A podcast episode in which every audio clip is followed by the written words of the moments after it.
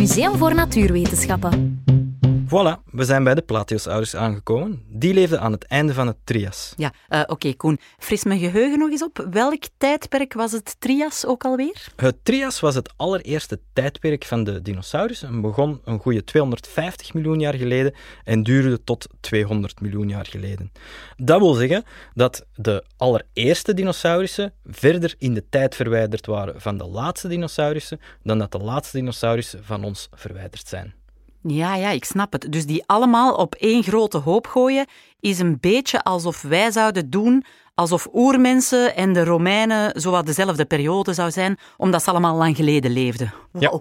mijn geschiedenisleraar zou zot worden. Uh, Koen, kan je wat meer vertellen over die eerste periode, het Trias? Jazeker.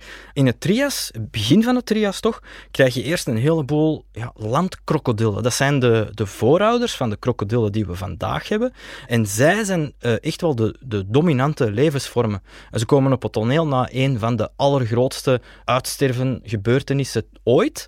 En het zijn dus zij niet de dinosaurussen die dominant worden uh, als uh, eerste voorouders.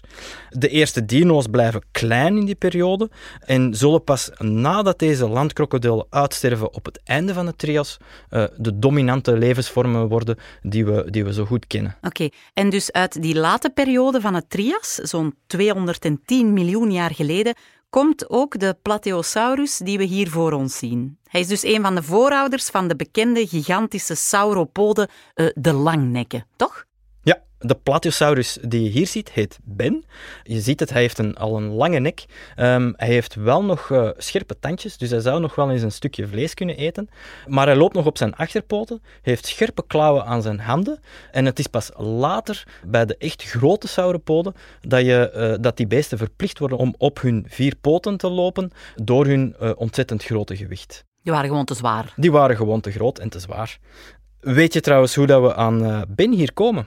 Ja, tuurlijk. Ik heb keihard mijn huiswerk gedaan. Mijn geschiedenisleraar zou super trots zijn. Uh, Plateosaurus Ben is een echt dino-skelet dat in 2017, dankzij een heuse crowdfunding-campagne, naar het museum is gehaald. Ben hier werd samen met honderden andere Plateosaurus-skeletten opgegraven in het Zwitserse dorpje F. Uh, Frik bedoel je? Ja, F. Zeg het toch? Nee, Frik. Frik. Oh, ja, kom, we gaan gewoon naar de volgende stop.